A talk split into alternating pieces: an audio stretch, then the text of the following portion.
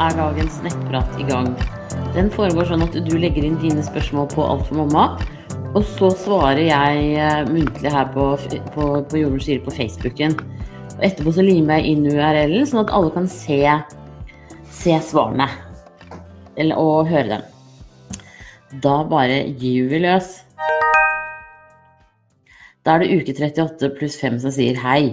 Jeg er gravid i uke 38 pluss 5, jeg er førstegangs og var hos jordmor for å sjekke modning. Hun sa at livmorhalsen var lukket, men det kom blod på hansken, og det var et bra tegn. Jeg trodde blødning i svangerskapet var et faresignal, og siden livmorhalsen min var lukket, betyr det at det vil ta lang tid før jeg skal føde. Hun sa også at jeg vil oppleve en del maserier etter undersøkelsen, men jeg hadde ikke noe mer enn hva jeg pleier å ha. Vil det si at jeg er langt ifra moden da?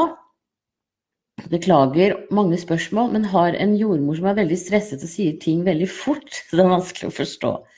Tusen takk for svar. Hilsen forvirret. Ja, jeg skjønner godt at ting kan være til forvirring innimellom. For det er helt riktig som du sier, at i graviditeten så kan en blødning være farlig. Men nå mot termin så kan det faktisk være, eller nå er jo du helt til termin, så kan det være et tegn på at ting begynner å skje.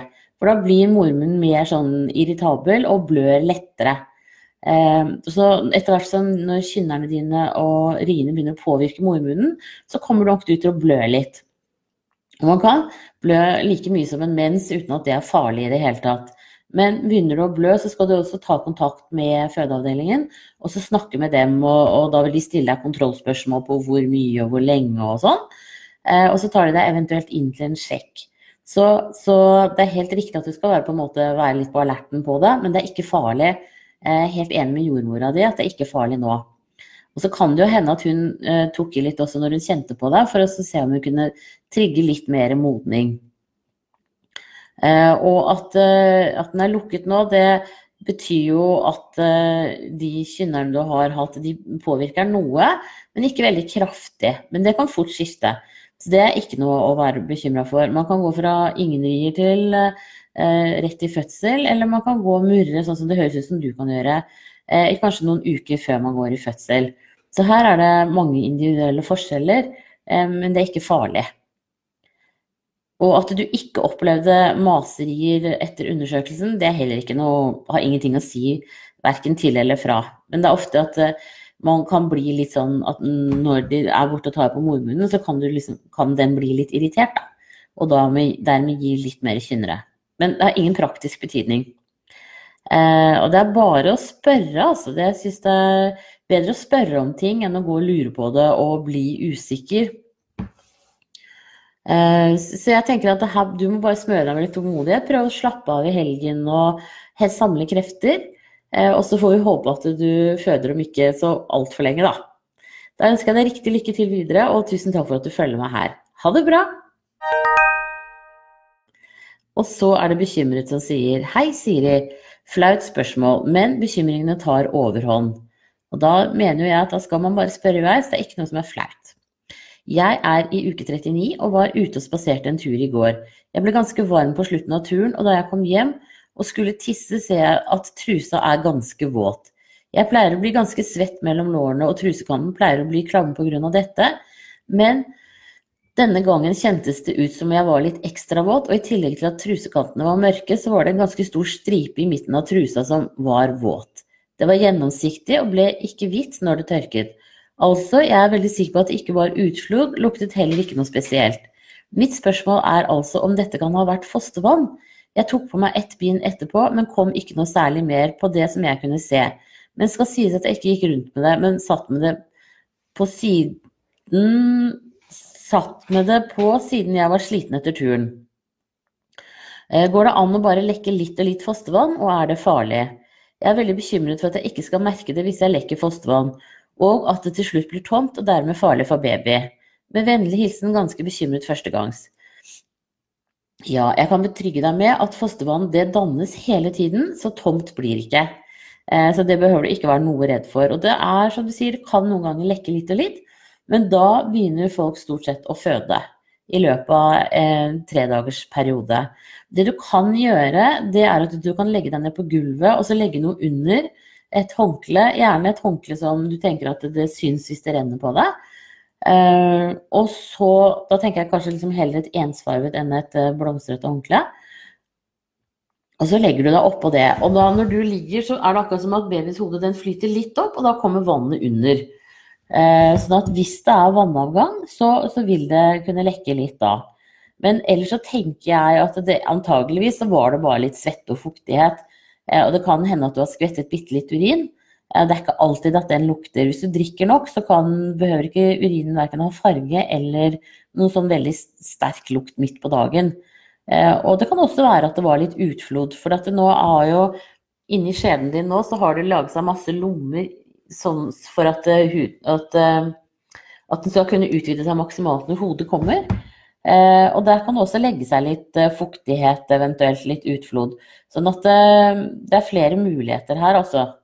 Så jeg tenker at eh, se det og hvis du tenker at det kommer noe mer altså hvis, hvis det var vannet som hadde gått, og du, selv om du satt stille med det bindet på, så skulle det jo ha kommet noe i løpet av et kvarter og 20 minutter. Så, sånn at det på en måte ble litt våtere. Uh, så jeg tenker at dette her er, er mer en sånn liten tilfeldig uh, skvett av et eller annet slag. Ikke noe å være noe bekymra for. Men du kan jo legge deg ned på gulvet og så se om, du, om du begynner å renne noe vann da. Eh, hvis du får eh, sånn vena cava-effekt av å ligge flatt på gulvet, så tar du bare Eller du kan legge deg i senga også, for den saks skyld. Også. For så mye tror jeg ikke det kommer til å renne. Eh, men da bare bikker du bitte litt over på siden, sånn at du ikke får fullt trekk av foster, sånn trykk av fosteret ned på hovedvenen. Men så, også er det sånn nå i helgen, hvis, hvis du noe, tenker at sånn, oi, begynner jeg å gå i fødsel nå, er det noe du lurer på? Så, så ringer du bare rett på fødende og snakker med dem. Eh, der jobber det jordmødre som kan svare på så godt som alle spørsmål. Da ønsker jeg deg riktig lykke til videre, og nyt helgen og slapp av. Og gjør eh, ting som på en måte gir deg ro, og, og sånn, sånn, at du får samlet krefter. Ikke start med noen store familiære eh, ting, samlinger, hvis, hvis det kan unngås. Da ønsker jeg deg riktig lykke til videre, og tusen takk for at du følger med her. Ha det bra! Og så er det sommer som sier hei. Jeg måtte ta keisersnitt når jeg fødte min datter. Hvor lang tid tar det før det gror innvendig? Og er det slik at livmor kan feste seg i eggstokker osv.? Eh, et keisersnitt er grodd i løpet av noen uker, så det er ikke noe å være noe bekymret for. Eh, man anbefaler vel, hvis du skal samleie, å bruke kondom uansett, fordi at du også er, kan bli gravid nå igjen på nytt. Og det er jo to litt kjappe for de aller fleste. Ehm, så i løpet av to-tre uker så skal alt være godt grodd innvendig og utvendig. Ehm, og så er det sånn at eh, eggstokkene er festet til livmoren. Eh, du kan tenke deg at livmoren står opp som en sånn ehm, Skal vi se Altså sånn som en sånn liten knyttneve.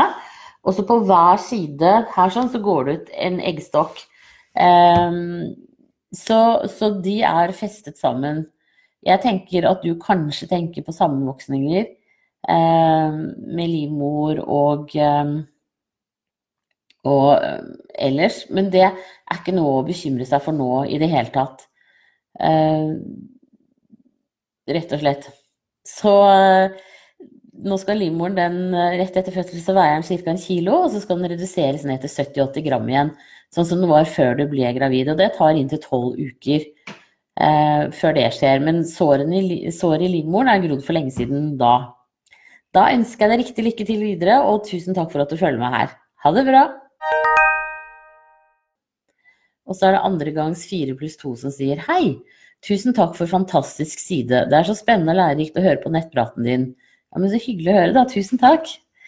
Nå har jeg noen spørsmål selv, om jeg håper du kan svare på. Jeg er fire pluss to nå og andre Én. 1. Noen dager føles det som om jeg skal få mensen hvert øyeblikk med murring og tung følelse i livmoren, mens andre dager kjennes det ikke ut som om jeg er gravid i det hele tatt. Er dette normalt? Blir jo litt usikker på om det er en SA som er i gang når murringene starter, og jeg venter bare på at blodet skal komme, men det kommer ikke noe, heldigvis. Eh, jeg kan jo svare på dem synligvis siden du har gjort det sånn. Eh, det er helt normalt, og det kan skifte fra dag til dag. De fleste opplever kanskje litt mer murringer og sånn eh, når de er slitne, som på kvelden og sånne ting. Ofte. Og det kan jo hende at du nå i løpet av helgen får sovet ut og inn, hentet deg inn litt. Og da vil det være mindre murringer og mindre sånne graviditetstegn eh, på mandag kanskje, tirsdag, og så kommer det tilbake igjen. Så det er helt normalt at eh, murringer og andre graviditetstegn de kommer og går, særlig de første tolv ukene. Og så vil du jo etter hvert begynne å få en del mer kynnere fordi du er flergangsfødende. Det du kan gjøre, er at du kan ta tilskudd av magnesium, eventuelt med kalsium, for å se om eh, det kan roe liksom at muskulaturen din er litt sånn triggervennlig og murrete. Så, så, det kan du prøve å, å, ta allerede nå. Det kan ta to til tre uker før du har full effekt av det. Og det er fordi at kroppen eh, bruker litt tid på å ta det opp. Eh, og så er det også sånn at overskuddet av magnesium det går ut i avføringen. Så hvis du har litt treg mage, så kan det hjelpe på det også, faktisk. Det kan være lurt å ta den kvelden, fordi at eh, mange sover bedre om natten eh, når de har tatt litt magnesium. Det er superbra mot leggkramper og, og sånne ting også. Og så er det spørsmål nummer to. Med første baby så var jeg litt småkvalm av og til fra uke 12 til 14. Ikke noe veldig plagsomt, mens nå kjenner jeg meg småkvalm allerede. Og jeg er jo bare fire uker på vei. Kan dette bety noe, tvillinger, eller bare tilfeldig? Min første baby er ei jente, og jeg har jo alltid hørt at man er mest kvalm med jentebaby i magen. Men hos bekjente av meg som er, har vært gravide, så virker det nesten som de er mest kvalm med guttebaby. Er det noen sammenheng mellom kjønn og kvalme? Ja. Vet du hva, jeg er helt enig med deg. Jeg også har jo lest og lært at det er mest jentebabyer, men personlig erfaring og uh, venner rundt meg, så må jeg jo si at det er de med gutter som uh, har vært kvalmest. Så uh, dette her kan jo bare bli spennende å se, da, hva, om du får Altså sjansen for at du får et annet kjønn på baby nå, er jo da litt større siden du er kvalmere nå. samtidig som at det er ingen garanti for noe som helst Eh, og så er det jo også sånn at når man har barn fra før av, så blir man mer sliten. Eh, og da blir man også lettere kvalm. Så dette her er en sånn, skal vi si, en litt sånn kombo. Ikke lett å si verken fra eller til. Men det har i hvert fall ingenting å si i forhold til graviditeten. Eh, den er ikke noe en bedre eller en dårligere kvalitet, nei, graviditet sånn sett. Og så er det riktig som du sier, at hvis du er gravid med tvillinger, så blir mange litt mer kvalm. Men det er, det er fryktelig vanskelig å si, altså. Eh, og det vil eh, jo også bli oppdaget på den eh, rutineultralyden eventuelt. Eventuelt at du får en litt større mage litt tidligere enn det du gjorde sist. Og så er spørsmål nummer tre. Når det gjelder besøk hos jordmor, når bør jeg ta kontakt? Jeg føler liksom at det er så tidlig og at ting er så usikkert enda. Igjen, tusen takk for fantastisk side, du gjør en super jobb. Tusen takk. Jo, jeg tenker at du faktisk kan ringe jordmor nå, fordi at nå er det snart sommer. Eh, og det er sånn i Norge at eh, kommunene er ikke pålagt eh, å dekke inn vikarer for jordmødrene. Så derfor så sparer de de penga, og så drar jordmødrene på ferie, og så er tilbudet borte. Så jeg tenker at det å, å ringe nå og så få en time, det kan være lurt. Og det kan jo godt hende at den timen er om tre-fire uker. Men bare sånn at du får en sjekk eventuelt før sommeren. Så bare gjør det, du. Det kan være greit. Og da kan du jo få tatt uh, utgangsblodprøver og, og, sånn også, sånn for å se om du mangler noe jern eller andre ting. Da ønsker jeg deg riktig, riktig lykke til videre, og ha en strålende helg. Ha det bra! Og så er det Anki82 som sier Jeg hadde samleid fire dager på rad denne måneden. To av dagene var inn i fruktbar periode. Syvende, åttende, niende og tiende og fjortende det ble fem, er eggløsningen eh, i en annen Er eggløsningen i en annen app er eggløsning 11. juni. Kan jeg da blitt gravid? Første dag med mensen var 31. mai. Takk for svar. Ja, når du har samleie rundt eggløsning, så kan du absolutt bli gravid. Eh, og det er jo sånn at hvis eh, sæden er sprekk, så kan den leve i inntil fem døgn. Egg eggcellen lever stort sett bare i ett døgn. Men, eh, så jeg tenker at det, her er det store sjanser. Det er også sånn at hvis du har hyppig sex, så kan du få eggløsning på et litt annet tidspunkt enn det du pleier. Så her er det bare å krysse fingrene og spise gravide vitaminer og satse på at, eh, at det har klaffet denne gangen. Da ønsker jeg deg riktig lykke til videre, og tusen takk for at du følger med her. Ha det bra! Og så er det Anonym83 som sier Hei, Siri. Takk for svar sist gang. Jeg var på sykehuset på ultralyd, og legen der oppdaget at det er noe galt med babyen. De oppdaget at den hadde væske i kroppen på brystet, magen, og den hadde store nakkeforhold. Jeg ble sendt på Riksen, og legen tok fostervannsprøve og flere blodprøver. Det var sånn at han anbefalte å avbryte, for dette kunne dø i magen. Spurte legen om hva han trodde, men han sa bare 'jeg vet ikke'. Han trodde ikke det var en infeksjon heller. Jeg kan da ikke være den eneste i verden som har dette tilfellet. Nå venter vi bare på den brutale beskjeden om at jeg må føde det andre barnet ut. Også er i uke 20 i dag. Gruer meg for å føde dette barnet og få den beskjeden om hva dette er. Hva tror du det kan være? Det er et prøverørsbarn, og nå var dette vår tredje og siste sjanse. Vår verden falt i grus. Takk for svar. Eh, dette Jeg kan overhodet ikke svare på hva det kan være, dessverre. Det beklager jeg.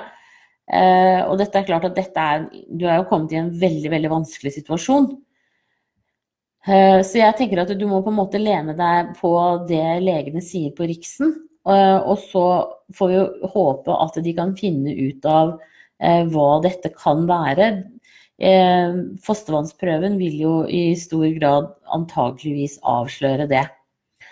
Eh, og så kan det jo også være sånn at hvis eh, Hvis dere er bærer av en genetisk sykdom, så kan dere ha rett på å få prøverørsbefrukt... Altså få bli befruktet i utlandet. Så jeg tenker at jeg, jeg vil ikke sånn der eh, udelt tenke at dette var den aller, aller siste sjansen deres. Fordi at eh, det, jeg, jeg tenker liksom at eh, hvis, hvis, dere har et friskt barn fra før av, så vet dere at dere kan få friske barn. Og da syns jeg virkelig at Riksen burde stille opp for dere og hjelpe dere videre. At og at man måtte kunne altså Det er jo hva jeg syns, da. Man kommer ikke så langt med det nødvendigvis. Men, men jeg tenker liksom at dette her er veldig spesielle omstendigheter. Eh, sånn at eh, jeg tenker at eh, når, når, du snakker med dem neste gang, så hør med dem på Riksen. Eh, og hør i forhold til genetisk veiledning. Og jeg vet at f.eks. Eh, sånne kjønnsbundne arvelige lidelser sånn som fragilt X og sånne ting, da kan man få befruktning i utlandet. Ehm, jeg, jeg, det var sånn før at man ikke eh, sorterte i forhold til fragilt X her i Norge. Hvordan det er nå, det er jeg litt usikker på, men jeg vet i hvert fall om flere som ble sendt til Tyskland for å kunne bære frem friske barn. Eh, og det tenker jeg ehm, at dere definitivt burde kvalifisere til. Jeg kan liksom ikke skjønne noe annet. Så jeg syns du skal eh, ta, Skriv ned alle spørsmålene dine. Skriv ned om er det virkelig sant at dette liksom eh, er den siste muligheten i forhold til prøverørs, og, og, hvordan Særlig hvis dere da nå har fått et barn som er sykt og, og, og det er uforenlig med liv. Eh, for det er jo veldig, det er en veldig spesiell situasjon, og det skjer ikke med veldig mange. Så jeg syns at uh, hør om ikke dette her vil kvalifisere dere i forhold til å eventuelt uh, kunne få hjelp. Uh, og hvor man da tester foster, altså det fosteranlegget før man setter det inn. For å se om det er bærer av den samme sykdommen som den du er gravid med nå. Jeg tenker at det må være håp for det. Um, du kan prøve eh, å legge ut Skal vi se Jeg kan prøve også, også legge ut spørsmålet ditt på Facebook, og så se om det er noen som Hvis, hvis du legger det inn på Alfa mamma, så skal jeg ta og lufte det ut på Facebook. For da når vi enda litt flere, og så se om det er noen som har erfaringer rundt dette. Men ellers så snakk grundig med legene, og så tenk, altså, ta gjerne kontakt med meg igjen. og Du kan jo sende meg en mail. Eh, og så ser vi om Men, men gå, det, gå, det, løpet du er i nå, og så snakk med dem nå. Og hvis de gir deg dårlig hjelp, så tenker jeg vi må, vi må prøve å finne ut noe mer rundt dette. rett og slett. Det er jo stusslig hvis, hvis uh, du ikke kan få flere barn. Men det for jeg, for jeg, tenker også liksom at uh, du burde kunne komme på genetisk veiledning. På Rikshospitalet har du jo det. Uh, men da etter at man vet svarene på det, den babyen du bærer på nå. Men ta én ting av gangen. Uh, still de spørsmålene nå, og så føder du nå. Det er jo en fødsel som veldig ofte går veldig raskt fordi at babyen er så liten. Så det skal ikke så mye til på en måte å sette det i gang heller. Så um, jeg tenker at det, at går gjennom den prosessen og den sorgen det er å miste et barn, før dere begynner å, å, å bli, lage et nytt barn eventuelt. Men, men, men, hør i hvert fall med dem når du er der på kontroll nå. Eh, og skriv ned alle spørsmålene dere har, sånn at dere får gode svar på dem. Da ønsker jeg deg riktig lykke til videre, og jeg håper at eh, vi må ja, det må da gå an å kunne få til ett barn til, tenker jeg. Hvis det, hvis det er mulig. Ja.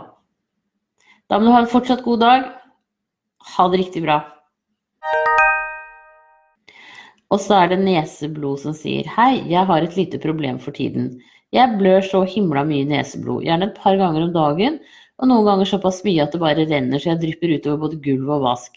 Er gravid i uke 25 pluss 2 og får bare høre av fastlegen at det er vanlig med neseblod som gravid, men flere ganger hver eneste dag. Skal sies at jeg har vært forkjøla siden påske, bihulebetennelse og hoste de siste to til tre ukene. Nei, det er ikke normalt å, å blø hver eneste dag, altså. så jeg syns i hvert fall at du skal sjekke HB-en. Og så se om du kan ha at du, Hvis du ligger litt lav på HB, så, så er, har du en mindre koagulasjonsfaktor i blodet ditt. Eh, og den går det an å gjøre noe med. Altså, du må, kan ta jerntabletter. Eh, og så tenker jeg liksom, hvis du har bihulebetennelse nå, så kan det jo hende at du faktisk skulle ha fått eh, en antibiotikakur, sånn at du kan bli frisk. Eh, så, så jeg hadde ikke slått meg til ro, det gjør jo ikke du heller, med at, at du blør såpass mye neseblod. Så ta kontakt med fastlegen eller få time hos jordmor, og så får dere sjekket blodprosenten din litt raskt. Og så Og det pleier man å kunne gjøre hos jordmor også. Egentlig så bør du også få sjekket hjernelagrene. Men få en jordmortime, og det, ha, det, har du rett på å få innen en uke etter at du bestiller den. Og så får du snakket litt med jordmor, og så kan dere legge en plan sammen, tenker jeg. For det er ikke det er ikke normalt å blø flere ganger om dagen, altså. Det er litt mye. Rett og slett. Ja. Jeg tenker at du, du, trenger, du, trenger, litt bedre behandling enn det du har fått. Og at det kan hende at du også skulle ha vært eh, sykemeldt en periode. Sånn at du bruker alle kreftene på å bli frisk. Det er det jo fastlegen som gjør, da. Um, så blodprosent, eh, få time hos jordmor, sånn at du kan få snakka med jordmor. Og så legger dere en plan videre. Da ønsker jeg deg riktig god bedring og lykke til videre. Ha det bra! Og så er det nummer to spørsmålstegn. Jeg fødte for ni måneder siden, fullammer, men nå spiser baby fast føde i tillegg. Ammer fortsatt på natta. Det er veldig bra. Fikk mensen igjen allerede tre måneder etter fødsel. Har hatt fem sykluser siden fødsel på henholdsvis 25, 28, 30 og 32 dager. Dette stemmer godt med tidligere syklus før svangerskap som har ligget på stabilt mellom 26 og 30 dager. På dag 28 i denne syklusen hadde vi ubeskyttet samleie. Vi prøver ikke aktivt, men gjør ingenting om vi blir gravide. Jeg tenkte for øvrig at det var lite sannsynlig vi ville gravi bli gravide på dag 28. Nå er jeg på dag 37 i syklusen og har ennå ikke fått mensen. Jeg har hatt voldsomme menssmerter siden dag 33 og trodde mensen skulle komme hver dag. Smertene er skikkelig vonde, men ingen mensen kommer. Jeg tok en G-test i dag, Dag 36, den var negativ. Jeg lurer på, kan syklusen min være så på bærtur at jeg hadde eggløsning rundt dag 28, og jeg er gravid nå? Hvilken dag vil dette i så fall kunne slå ut på en test? Det er jo bare ni dager siden nå, så det er kanskje for tidlig. Hvorfor har jeg disse kraftige menssmertene akkurat når mensen skulle være, men den kommer ikke? Eller er det vanlig med så stor ustabilitet i syklus pga. at jeg fortsatt ammer? Det er litt rart, mensen er fem dager forsinket akkurat den syklusen vi hadde ubeskyttet samleie. Jeg skjønner ingenting og blir veldig sliten av å ha så sterke menssmerter. Skulle ønske det slapp snart. Bør oppsøke lege? Eh, skal vi se Det er sånn at eh, man kan jo for så vidt ha en litt sånn uregelmessig mens, mens man ammer, men eh, ikke, ikke, så kanskje uregelmessig som du beskriver her. Eh, og så kan det også være sånn at du får eggløsning av å ha sex. Sånn at eh, det kan også ha skjedd den der eh, dag 28. Og det er jo sånn som du sier, det er for tidlig eh, å slå ut på en graviditetstest enda. Så du bør i hvert fall vente en uke til, tenker jeg. Og da blir jo på en måte dag 28 den eggløsningsdagen, tenker jeg du må ta utgangspunkt i. Og hvis du har veldig, veldig kraftige menssmerter, så tenker jeg at prøv med litt Paracet nå i helgen. Og hvis det ikke tar det i det hele tatt, så syns jeg definitivt at du skal gå til fastlegen. Så se om du kan liksom på en måte slå, det, slå, den smerten litt ned. Ta to Paracet eh, og se om det hjelper. Og hvis det fortsetter eller det blir verre, så syns jeg absolutt at du skal kontakte lege. Jeg har egentlig ingen sånn veldig, veldig god forklaring på hva det kan være. fordi at eh, en graviditet utenfor livmoren den melder seg ikke så tidlig. Den melder seg liksom mer rundt uke fem til sju. Eh, så med mindre det er mulig at du er lenger på vei enn det du tror, så Men da skulle jo graviditetstesten ha slått ut. Så tenker jeg at det er, eh, er vel litt tilfeldig. Og nå er det også sånn at eh, noen kjenner de muringene altså Fordi du har vært gravid tidligere, så er du liksom litt mer sensitiv, sensibel for å, å kjenne muringene litt sterkere, da. Så Se deg over helga. Ta, ta Paracet i dag, liksom, og så se om det kan hjelpe. Og så eventuelt lege på, på mandag. Og blir det verre i helga, så er det bare å kontakte legevakten, altså. Da ønsker jeg deg riktig lykke til videre, og tusen takk for at du følger med her. Ha det bra. Og så er det vannkopper. Hei, jeg er gravid i uke 26 med mitt andre barn. Har en gutt på to år fra før. I barnehagen hans på gruppa hans går det nå vannkopper. Jeg har sjekka meg med blodprøve og vet at jeg ikke har antistoffer mot vannkopper. Hva gjør jeg nå? Har holdt Mini hjemme fra barnehagen siden beskjeden kom, i frykt for smitte. Men er det nødvendig? Hva er risikoen for meg og babyen om jeg skulle få vannkopper nå? Det er så tungt å ha toåringen hjemme hver dag. Jeg går med sterke bekkensmerter og masse sterke kynnere som jeg er sykemeldt for. Men vil jo heller ikke risikere noe for babyen i magen. Nei, altså den øh, vannkoppesmitte, den smitter ti dager før utbrudd. Så eh, høyst sannsynlig så er vel kanskje sønnen din blitt smittet. Så jeg tenker han kan like liksom godt bare gå i barnehagen. Det er ikke noe Det har ikke så mye å si eh, heller om han får det. Det er klart at det kan være litt sånn plagsomt for deg om du skulle få det, men nå er du midt i graviditeten, og da er det ikke så farlig. Så da vil dine antistoffer gå over til babyen, sånn at babyen ikke får vannkopper. Eh, og det kan jo, i hvert fall første leveår, så det kan jo være en god investering sånn sett, da. Eh, det er helt mot slutten av graviditeten hvor man risikerer at eh, mor får vannkopper, og så går det mindre enn 14 dager. Da har ikke du fått sendt antistoffer over til babyen, sånn at da er babyen ubeskyttet mot vannkopper. Men det gjelder liksom fra uke 37 og utover, og du er jo i uke 26. Så dette her går helt fint. Så jeg hadde bare sendt han i barnehagen. Eh, det har både du og han godt av, særlig siden du, som du sier, er så plaga med bekkensmerter og sånn. Så prøv det, og så, eh, prøv også å ta eh, magnesium i forhold til de kynnerne. Sånn at du får se om det kan liksom roe det litt ned. Eh, det går også an å prøve akupunktur. Noen ganger så kan det hjelpe mot sterke kynnere. Eh, at det på en måte sentrerer det mer, at det ikke blir liksom det der draget nedover mot eh, skjeden. Så jeg tenker at det er ikke farlig, ikke farlig for babyen din om du får vannkopper nå. Vi får jo håpe for din egen del at du slipper det, men, men det går i hvert fall greit nå. Da ønsker jeg deg riktig lykke til videre, og tusen takk for at du følger meg her. Ha det bra! Og så er det Sirkeline som sier svangerskapsdiabetes. Hei, ble litt i stuss da jeg så spørsmål fra ei som hadde fått vite at hun har svangerskapsdiabetes etter blodsukkerbelastning. Hun hadde da 5,7 millimol i blodglukose etter to timer. Jeg har også tatt denne testen, 4,7 fastende og 7,7 etter to timer. Fikk derimot beskjed om at jeg ikke har svangerskapsdiabetes. Ifølge min jordmor er grenseverdien nå over 9 millimol etter to timer. Tok opp dette på sykehuset da jeg var der i uke 33, for jeg lurte på om jeg burde ta ny blodsukkerbelastning. Helt unødvendig fikk jeg beskjed om, men syns det er rart at jeg får høre det når noen andre som har lavere glukoseverdier, får høre at de har diabetes. Noen må jo ta feil her. Hva tenker du? Jo, jeg tenker at det har kommet nye retningslinjer. Eh, og det er ikke sikkert at alle er oppdaterte på det. Så det var tydeligvis eh, din eh, jordmor og det sykehuset som du bruker. Så det syns jeg var et absolutt et godt tips fra din side. Så jeg skal ta oss og skrive en liten artikkel ja, om, om, de nye retningslinjene som har kommet fra Helsedirektoratet. og så kan jeg også lime det inn i, i det svaret her hos deg.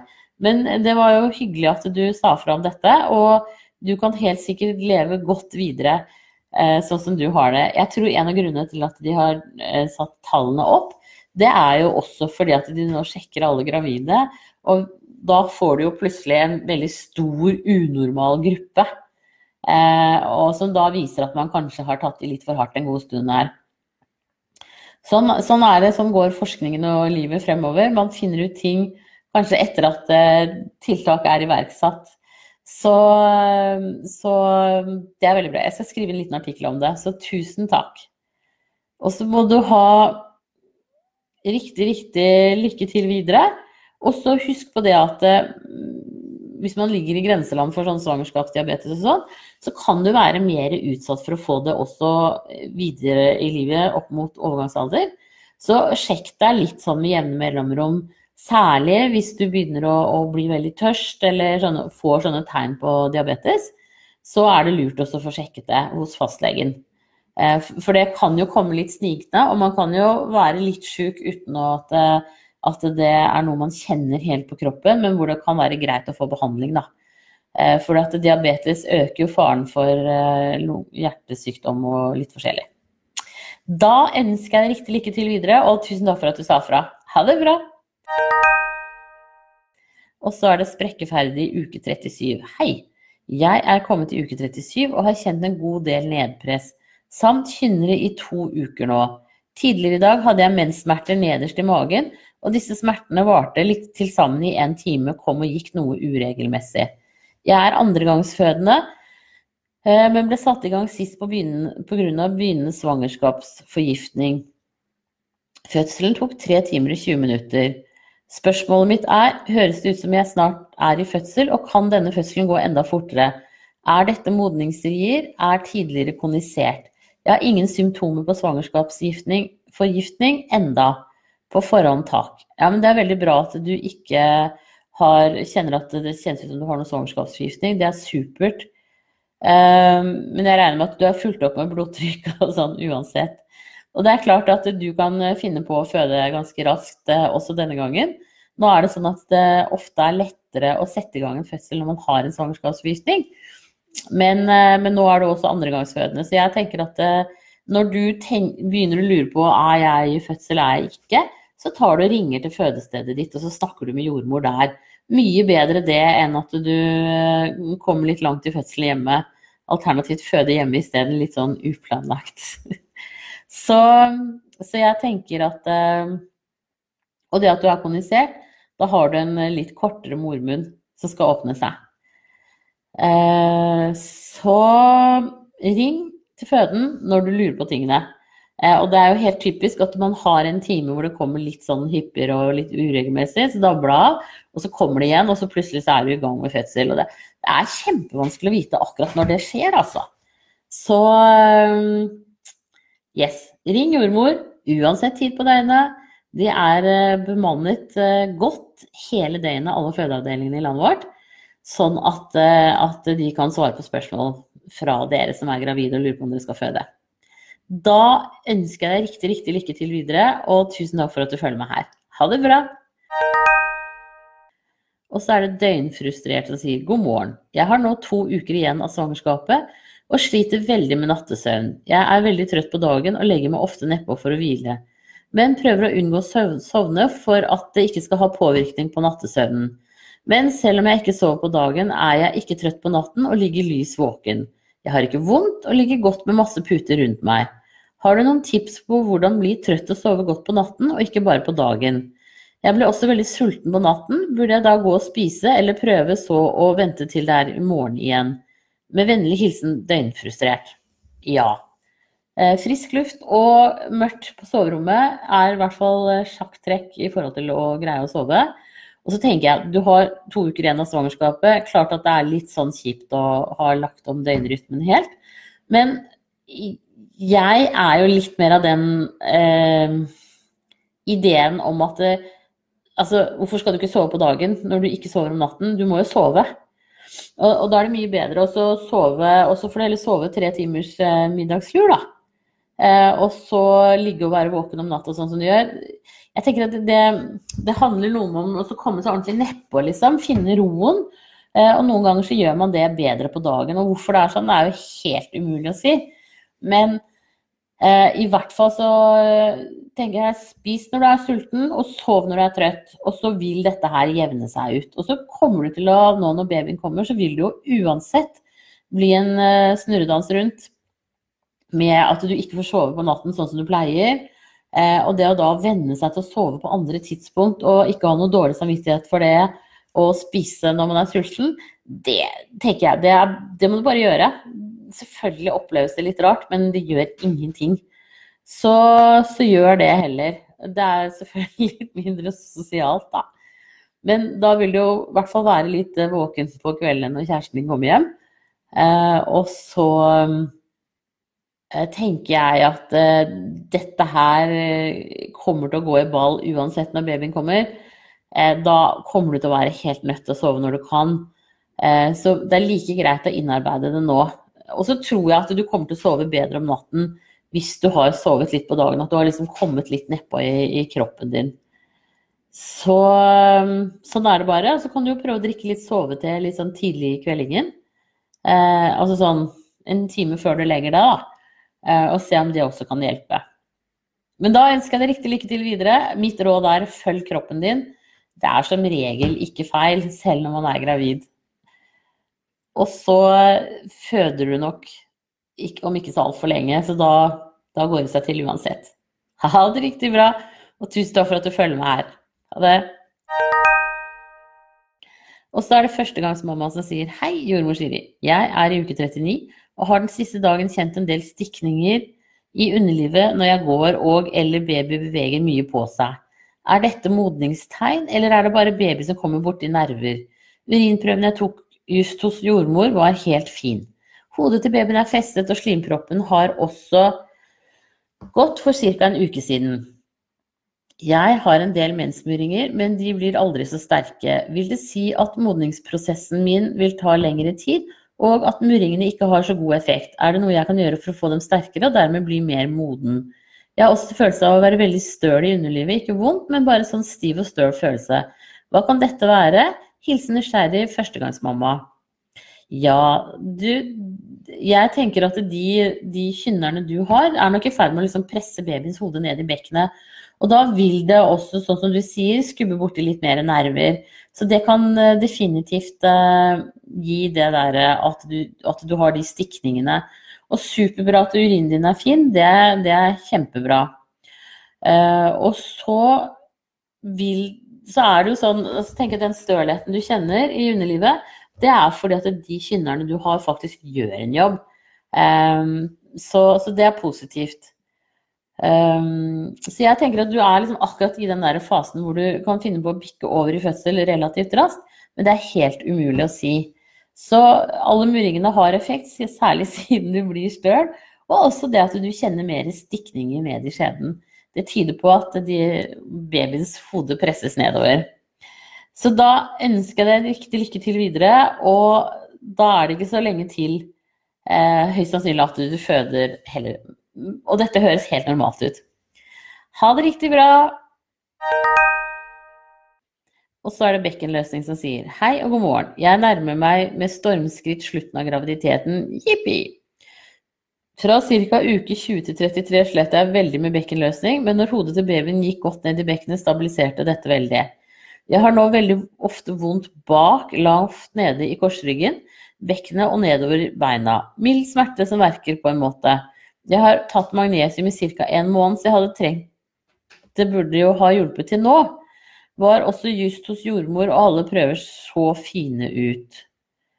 Um, er det bekkenløsningen som kjennes annerledes ut, eller kan dette være noe annet? Og vet du om noe som muligens kan hjelpe? Eh, tusen takk for en fantastisk side, forresten. Den er gull verdt for slike som meg, som har veldig stressede jordmødre. Jo, det er hyggelig å kunne hjelpe, og tusen takk for at du følger med her. Det er veldig hyggelig. Skal vi se Altså, jeg vil jo tro at nå når du har mye kynnere, så presses jo babyens hode ned i bekkenet, og det enda mer, da. Eh, og det er jo veldig morsomt at du har opplevd at det stabiliserte deg tidligere også. Eh, at hodet gikk ned. Men jeg tenker at det Det er nok det som gir deg den litt sånn milde smerten. At det på en måte er ganske sånn Det er ganske under trykk inni bekkenet ditt akkurat nå. Eh, og babyen tar mye plass. Det sprenger på en måte litt i vevet. Og det kan gi en sånn murrete følelse ganske lenge. Så jeg tenker at eh, at eh, Fortsett gjerne med den magnesiumen, uh, for det, det, er bra for muskulaturen din. Og det at du har vondt lavt nede i bekkenet og ryggen og nedover beina, det er nok fordi at de nervene som går der, så ligger babyens hode og presser på det nå. Uh, og, det, og det, det, at du har på en måte hodet som har gått dypere og dypere ned, og så stabiliserer innenfra, det, det gjør jo at bekkenløsningen kjennes annerledes ut. Uh, ja. Det tror jeg er liksom den beste forklaringen jeg kan gi. Uh, og det er jo superbra at, at babyens hode er på, godt på vei nedover i bekkenet, og det gjør jo fødselen litt kortere sånn sett, da. Da ønsker jeg deg riktig, riktig lykke til videre, og tusen takk for at du følger meg. Ha det bra. Og så er det Mia som sier er gravid 4 pluss 0, og i dag etter samleie så kom det en del brunt blod. Har ikke smerter. Dette er jo den dagen jeg egentlig skulle hatt mensen. Er dette normalt? Hva bør jeg eventuelt være obs på i forhold til SA? Vet du hva, dette her høres helt normalt ut. Ingenting å bekymre seg for. Eh, man, får, man har skjørere slimhinner når man er gravid. Og det kan lettere gi litt sånn eh, småblødninger eh, ved samleie. Og det kan komme helt uten samleie også. Ingen grunn til å avstå fra sex. Det er bare å kose seg videre, og det er helt normalt. Og i forhold til SA sånn, så er det ingenting man kan gjøre. Og har, du har ingen økt sjanse for SA med dette. Da ønsker jeg deg riktig lykke til videre, og ha en strålende helg. Ha det bra. Og så er det kveldstur som sier hei, jeg er 9 pluss 4 uker, og jeg pleier å gå kveldstur på ca. 45-60 minutter hver kveld. De siste dagene har jeg derimot begynt å kjenne en slags trykking mot skjeden etter ca. 30 minutters gange. Det føles som jeg blir hoven i skjeden, og at noe innenfra trykker utover. Dette er ubehagelig, og jeg går vanligvis hjem med en gang det begynner. Vet du hva det kan være? Jeg lurer også på en ting til, som jeg skjønner er et dumt spørsmål. Det har regnet her i mange dager, og dattera mi ville ut og hoppe i sølepytter. Jeg tok på en regntøy, og vi gikk ut, men plutselig tok hun fart og hoppet i en dyp pytt, og jeg rakk ikke å snu meg, så jeg fikk masse sølevann i ansiktet. Kom ikke i munnen, men fikk en del i nesa og kjente jeg svelget litt. Men dette er ikke noe farlig, er det vel? Skal vel litt til at en katt har bæsja i en sølepytt rett ved en trafikkert vei. Sorry hvis det blir for dumt, men jeg kjenner jeg er ganske stressa for det. Det skjønner jeg. Um, at du er stressa for. Uh, og, men det går helt sikkert helt fint. Det er jo sånt som skjer. Noen ganger så kan man jo ikke verne seg mot uh, å få, bli spruta ned med litt dritt. Så uh, jeg er helt enig med deg. Det har veldig liten sjanse for at det har vært en katt akkurat der. så det burde gå helt fint, altså. Jeg hadde ikke stressa noe mer med det. Og så, når det gjelder den kveldsturen, så tenker jeg at eh, når du kjenner sånn trykk, så er det klart at da kan det være greit å, å gå hjem. Det kan godt hende at du, blir akkurat litt hoven i skjeden. Fordi at når du går oppreist, så, så kommer jo tyngdekraften inn eh, og gjør at, eh, at, man blir litt mer hoven. Så det du kan gjøre etterpå da, det er jo også eh, legge deg ned på sofaen og så Sånn som en venninne av meg på jordmorskolen sa, eh, drenere varisene litt. Altså sånn eh, Få litt blodomløp litt i gang, men i, i liggende, sånn at hjertet ikke behøver å jobbe så hardt. Og du, du på en måte får ut hevelser både i bein og i underlivet. Eh, så det tenker jeg er helt normalt. Ikke noe å være bekymra for, men selvfølgelig litt ubehagelig. Så kanskje heller to kortere turer, at det er det som må til. Da ønsker jeg deg riktig lykke til videre, og tusen takk for at du følger meg her. Ha det bra. Jo, så dritkult at du tar med dattera di ut for å hoppe i sølepytter, da. Det tenker jeg det er, sånn, det er jo sånn pur glede som eh, barn eh, fortjener å oppleve. Man må, man må leke litt. Så selv om det, selv om det blir veldig våt. Da ønsker jeg deg lykke til videre igjen. Ha det bra. Og så er det mor til fem som sier opplevde at slimproppen gikk nå i uke 16 allerede og lurer på om dette er farlig med tanke på for tidlig fødsel. Har ikke rier eller kynnere, vil det eventuelt dannes en ny? Ja, det vil det. Det vil dannes en ny. Men jeg tenker at du kanskje burde vært på en sjekk da. Eh, bare for å se eh, hvordan det ligger an med den mormunnen din. Eh, så, så, jeg syns du skal ta kontakt med, med jordmor der du bor. Eh, og så avtaler dere videre hva som er lurt å gjøre. Men det kommer i hvert fall en ny uh, slimpropp der, så det behøver du ikke være noe bekymra for. Da ønsker jeg deg riktig lykke til videre, og tusen takk for at du følger meg her. Ha det bra. Og så er det en som sier Hei, Siri. Jeg hadde kontroll hos jordmor i dag. Så spurte jeg om hodet kunne feste seg nå. Så sa hun at det ikke var normalt før du får de første riene når du er annengangs. Så kjente hun og sa at hodet var så godt som festet. Hun kalte det knapp fest, knapt festet. Hun virka veldig overrasket og sa at han lå veldig klar til fødsel. Lite sannsynlig at han kom til å snu seg noe mer enn nå. Men det er jo bra, da. Nå vet jeg, at Du skriver at det er 36 uker i morgen. Ja, da er han klar. Eh, og da har nok du antageligvis hatt noen gode kynnere. Eh, og uten at jeg skal love deg noe som helst, så er det sikkert lurt å pakke fødebagen eh, til deg og Nurk og pappaen, eller kjæresten din. Um, I tilfelle du gønner på og føder ganske raskt nå. Um, for det er klart at en del av fødselsprosessen er at hodet presser på innenfra. Eh, og når, han, når, den babyen er knapt festet nå, så, så, kan det være med på å starte fødselen litt tidligere. Men behøver ikke å gjøre det. Så du kan godt gå en måned til. Så jeg lover deg overhodet ingenting. Men det kan jo være greit å være litt forberedt. Og fødselen går jo litt fortere andre gangen som oftest enn det den gjorde første gangen. Da ønsker jeg deg riktig, riktig lykke til videre, og tusen takk for at du følger med her. Ha det bra! Og så er det Stine som sier hei. Jeg er seks uker på vei med mitt femte barn. Uh, har hatt både brun og frisk blødning. Var på tidlig ultralyd i dag hvor vi kunne se et normal livmor med hjerteaktivitet. Hun kunne se væskeansamling et sted rundt livmoren. Det kunne være blod som kunne bety uskyldig blødning eller starten av en spontanabort. Har du hørt om noe om at man kan se sånt på ultralyd? Der er ikke jeg så god. Jeg kan ikke nok om det i det hele tatt. Eh, men jeg har erfart her tidligere at det er andre som har hatt sånne væskeansamlinger, blodansamlinger i livmoren, men som på en måte kroppen Eh, reabsorberer og tar til seg igjen, sånn at det ikke blir noe farlig med det. Eh, så jeg tenker at du skal sikkert tilbake på en ultralyd om kanskje en måneds tid eller et eller annet sånt. Og da vil man se litt mer hva som har skjedd med den væskeansamlingen. Eh, så Og det er helt opplagt at ofte så er, er man kanskje gravid med flere fosteranlegg, og så velger kroppen ut det beste. Eh, og da reabsorberes de fosteranleggene som, som, på en måte har sluttet å vokse og ikke skal bli til noe.